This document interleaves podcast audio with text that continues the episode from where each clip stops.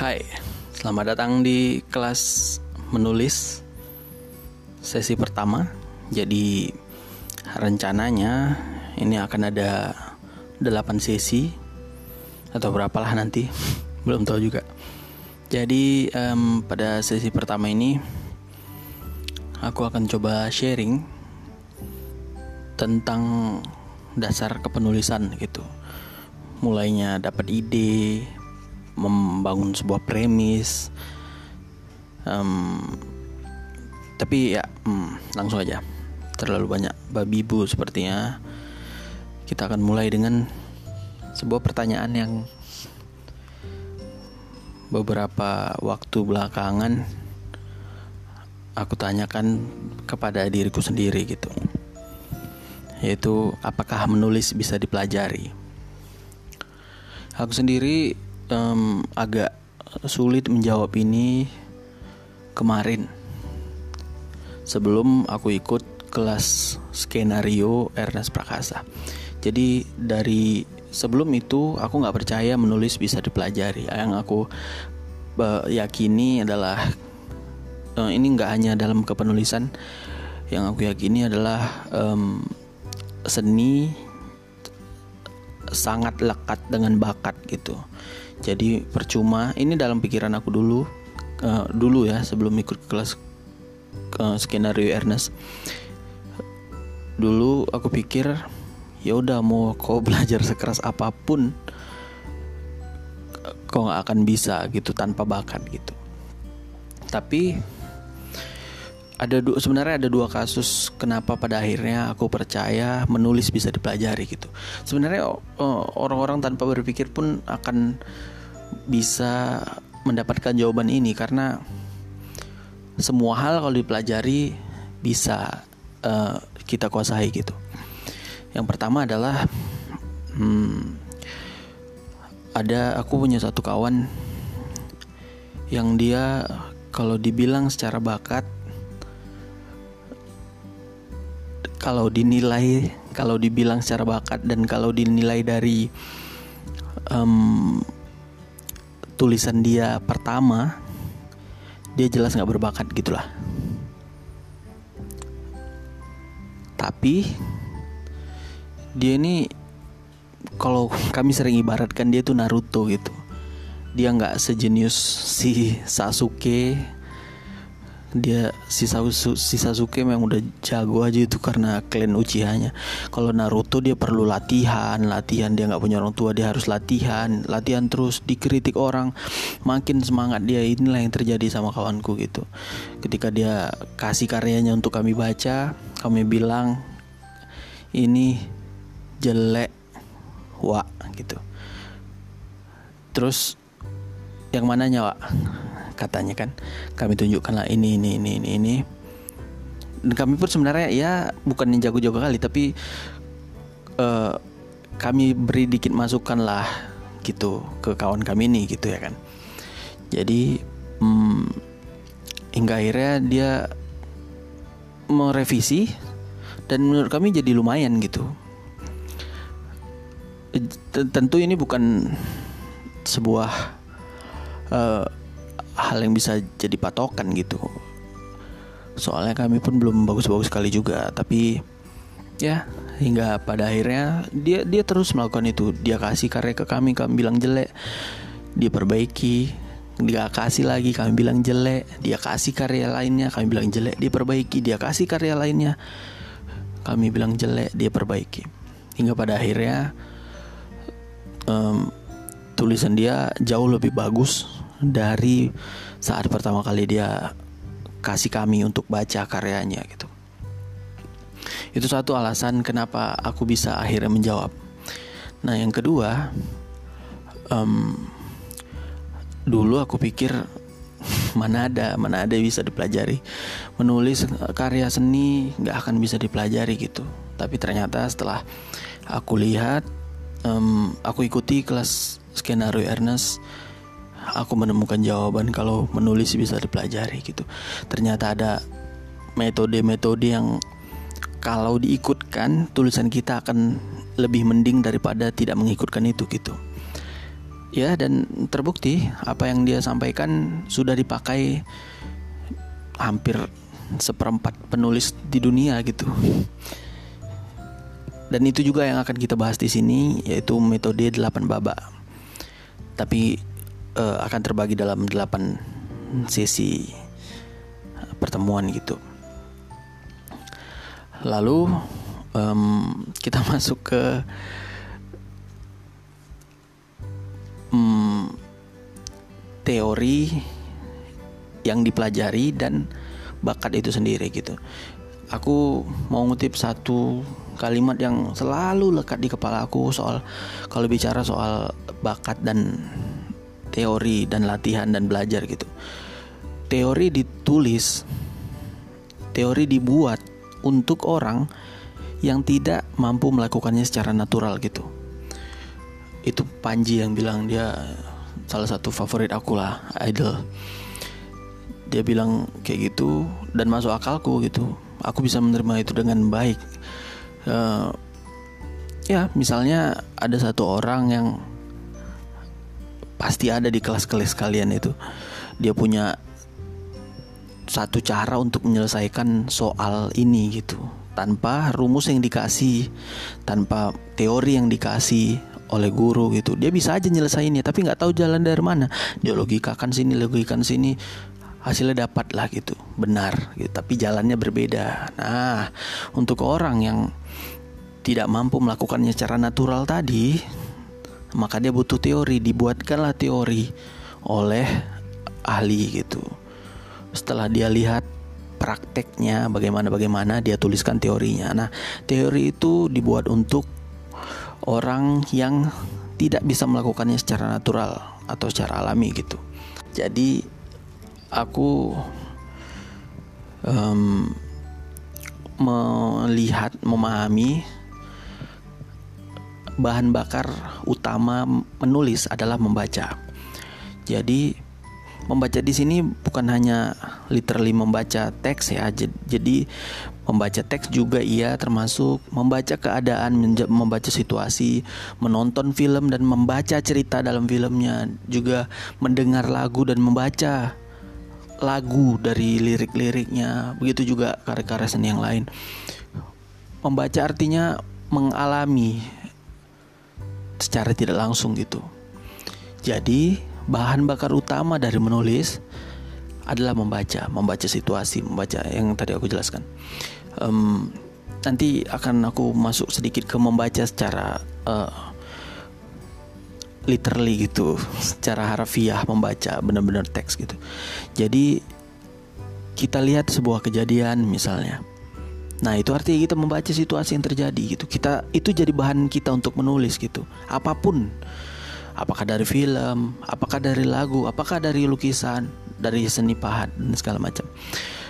Um, kalau membaca dari dari sudut pandang harfiah, membaca teks begitu, itu akan mempengaruhi kita dalam menulis. Dalam hal ini diksi gitu diksi-diksi ya kan? Gaya-gaya bahasa yang disampaikan apa yang kita baca akan ikut ke kita gitu. Hmm, pertama-tama dulu aku suka baca karya sastra dimulai dari membaca buku Dewi Lestari gitu, membaca uh, Kesatria Putri dan Bintang Jatuhnya. Hingga pada akhirnya aku suka sekali baca gara-gara di juga dan akhirnya aku menulis mirip mirip mirip, mirip sama di gitu, gaya-gaya di diksi-diksi yang digunakannya, gaya menyampaikannya gitu. Uh, aku terikut arus bacaan tulisan di gitu Nah, terus aku pindah tulisan ke uh, Pak An Mansur, aku pindah ke Sapardi Djoko Damono. Uh, aku merasakan perbedaan pemilihan kata, gaya bahasa, gaya penyampaian ketika bacaan aku berubah gitu. Jadi jelas bahan bakar utama dari menulis adalah membaca, membaca teks, membaca um, situasi, membaca karya seni, segala hal yang bisa kita lihat, kita pahami dan akhir kita tulis menjadi bahan bakar tulisan kita gitu. Oke, kita mulai masuk mengerucut ke premis.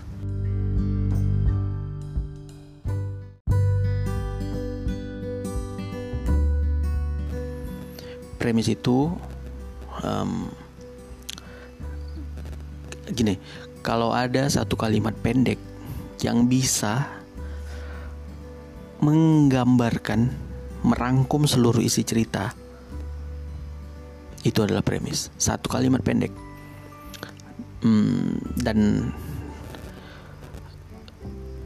kayak gimana tuh dia bilangnya? Premis itu kayak pertama kali cerita dibuat premis lah duluan ada gitu. Kayak uh, oke okay, kalau cerita itu adalah manusia dengan sama, sampai sekarang bermiliar-miliar manusia premis itu adalah Adam gitu. Dia yang memulai seluruh peradaban gitu Adam. Jadi premis itu adalah hal pertama yang ditemukan dalam sebuah cerita gitulah sederhananya. Jadi kalau misalnya kita lihat sebuah film atau sebuah cerita kita lihat um, keseluruhan ceritanya kita udah tahu kalau seluruh ceritanya.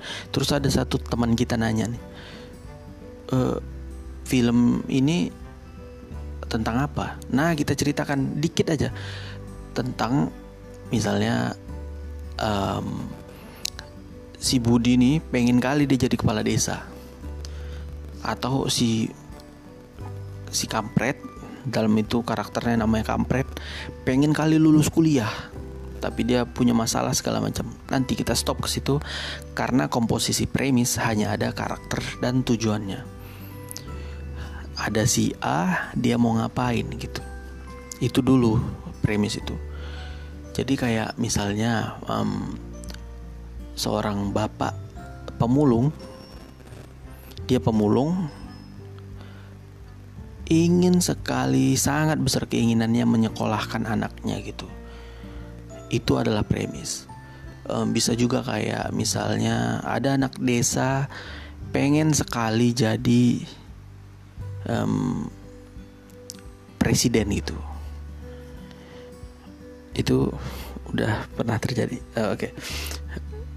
jadi premis itu adalah kom, uh, kombinasi dari seorang atau sebuah karakter kok sebuah pula ya. Seonggok karakter yang menginginkan sesuatu gitu. Menginginkan jadi apa menginginkan apa menginginkan beli apa misalnya menginginkan punya apa dan segala macamnya. Oke jadi premis itu ide dasar ide utama ya kan? Nah sekarang kita pikirkan ide itu datang dari mana? Kalau dari yang aku alami uh, ide datangnya dari tiga sumber gitu. Yang pertama ide datang dari diri sendiri. Sebelum kita menuliskan hal-hal yang terjadi di sekitar kita, coba kita lihat dulu di dalam diri kita gitu. Ada banyak sekali misalnya uh, ketika ada SD gitu kan pas SD masalah kita apa gitu. Masalah kita kita nggak mau sekolah misalnya. Ada anak dia nggak mau sekolah. Jadi um, ada aja kalau mau nggak sekolah misalnya hujan air suara keran masuk ke bak mandi pun dia bilang hujan gitu jadi dia mau nggak sekolah. Itu masalah dia karena apa? Dia takut ketemu guru dia takut um, ketemu PR dia alasannya satu-satunya di sekolah cuman bertemu teman dan mendapat uang jajan. Itu bisa kita tuliskan gitu itu bisa menjadi ide kita ya kan? Apakah um, waktu SD kita pernah di pala di kompas gitu ketemu anak SMP terus ditanya, "Eh, uang mau uangmu sini gitu." Itu bisa kita tuliskan kalau kita udah udah beranjak dari SD kita masuk ke SMP apa yang terjadi di SMP apakah kita orang yang memalak anak SD bisa kita tulis. Apakah sih itu pertama kali yang kita jatuh cinta misalnya? Uh, ataukah di situ pertama kalinya kita menemukan hobi kita apa? Kita bisa tulis semuanya dari SD dari kecil dari apa yang kita ingat pertama kali gitu kan nggak mungkin kita ingat waktu kita umur 3 aku minta makan sama mamaku dulu mamaku nggak ada makanan gitu. Kita nggak akan bisa tulis itu. Kita bisa tulis mulai dari apa yang kita ingat gitu.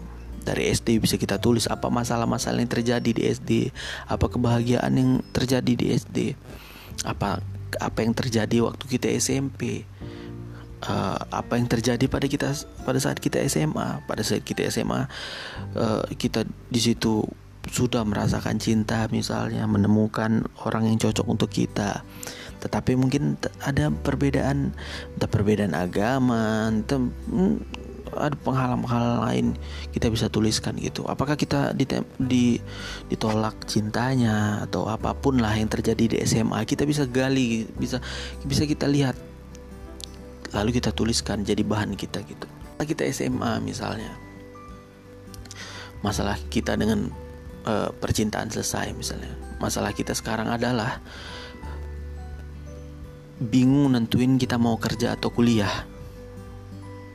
Oke kalau kita kerja kita uh, kawan-kawan kita kuliah semua kita cuma yang kerja sendirian terus kita nggak punya kawan kawan kita punya kawan baru itu bisa kita tuliskan. Atau kalau kita kuliah oke okay, kita fix kuliah. Kita nggak usah kerja dulu kita kuliah. Di kuliah kita mau pilih jurusan apa misalnya. Uh, misalnya kita pilih kedokteran lulusnya di pertanian misalnya kita nggak suka. Atau orang tua kita pengen kita jadi dokter tapi kita pengen jadi seniman pelukis atau penulis gitu. Kita bisa tuliskan itu semua. Uh, pas misalnya kita udah lolos masuk ke uh, kampus kita mulai ketemu dengan permasalahan-permasalahan di kampus jadi semua hal bisa kita gali gitu. Setelah kita selesai di kampus kita tamat kuliah kita sulit mendapat pekerjaan itu juga bisa kita tulis. Jadi ide datang dari diri sendiri kita gali dulu sebelum kita melihat ke sekitar. Apa yang bisa kita gali dari diri kita cerita yang terjadi pada hidup kita gitu. Nah lalu kita lihat lingkungan sekitar. Ini yang kedua. Ide datang dari lingkungan sekitar. Bisa um, om sama tante, bibi, paman, apa yang terjadi di rumah tangga mereka, atau kita punya sepupu bandel yang minta ampun, udah kejar-kejaran sama debt collector, palan masih SMA, atau apa pun lah yang bisa kita lihat dari sekitar kita misalnya um, orang tua kita ribut dan pada akhirnya bercerai bisa kita tuliskan apakah um, orang tua kita nggak mampu membiayai kita hingga akhirnya dia sangat berjuang dia dia menjadi pemulung untuk bisa mengumpulkan uang untuk bisa kita kuliah gitu. Semua bisa kita lihat. Atau misalnya kita lagi berkendara gitu dari dari rumah ke kampus kita lihat ada uh, pengemis yang ditolak oleh rumah makan karena di situ nggak boleh ngemis tinggal pada akhirnya kita lihat anaknya menangis karena kelaparan misalnya. Kita bisa lihat dari diri sendiri kita bisa lihat dari lingkungan sekitar. Nah yang ketiga kita bisa imajinasikan gitu. Kita membayangkan dari apa yang kita lihat kita bisa bayangkan gimana. Misalnya gini um, kita sudah selesai dengan keresahan yang terjadi dalam diri kita atau kebahagiaan yang terjadi dalam diri kita. Kita lihat uh, apa yang terjadi di lingkungan sekitar kita. Misalnya sudah selesai misalnya semua baik-baik saja semua tidak ada yang menarik untuk ditulis tidak ada yang berbeda untuk ditulis. Lalu kita mulai berimajinasi Misalnya, kita lihat um, pengemis tadi, anaknya nangis, dia tidak boleh uh, masuk ke rumah makan untuk mengemis, misalnya. Lalu mereka jalan pelan pelan pelan pelan ketemu sama orang yang dulu dibantunya misalnya kita bisa imajinasikan itu bagaimana jika what if Bagaimana jika si ini ketemu ini hingga akhirnya hidupnya berubah? Kita bisa membayangkan, kita bisa liar sekali, liar sekali bisa um, kita tuliskan hal yang tidak pernah terjadi ya kayak tulisan-tulisan fiksi lah kan itu sebenarnya mencuri masa depan sebenarnya kayak mana? Uh, apa yang kita tuliskan sekarang apa yang kita ceritakan sekarang akan kemungkinan besar terjadi di masa depan gitu. Jadi imajinasi itu penting dalam menulis gitu. Jadi ide tadi datang dari diri sendiri ide datang dari lingkungan sekitar ide datang dari imajinasi kita aku pikir untuk sesi pertama ini udah cukup ya kan? Dan um, sampai ketemu di pertemuan berikutnya. Pertemuan berikutnya kita akan coba berbagi tentang bagaimana premis yang baik gitu. Semua hal mungkin bisa jadi premis kita semua hal. Tapi hal bagaimana yang membuat cerita bagus? Itu kita akan bahas uh, pada sesi berikutnya ya. Terima kasih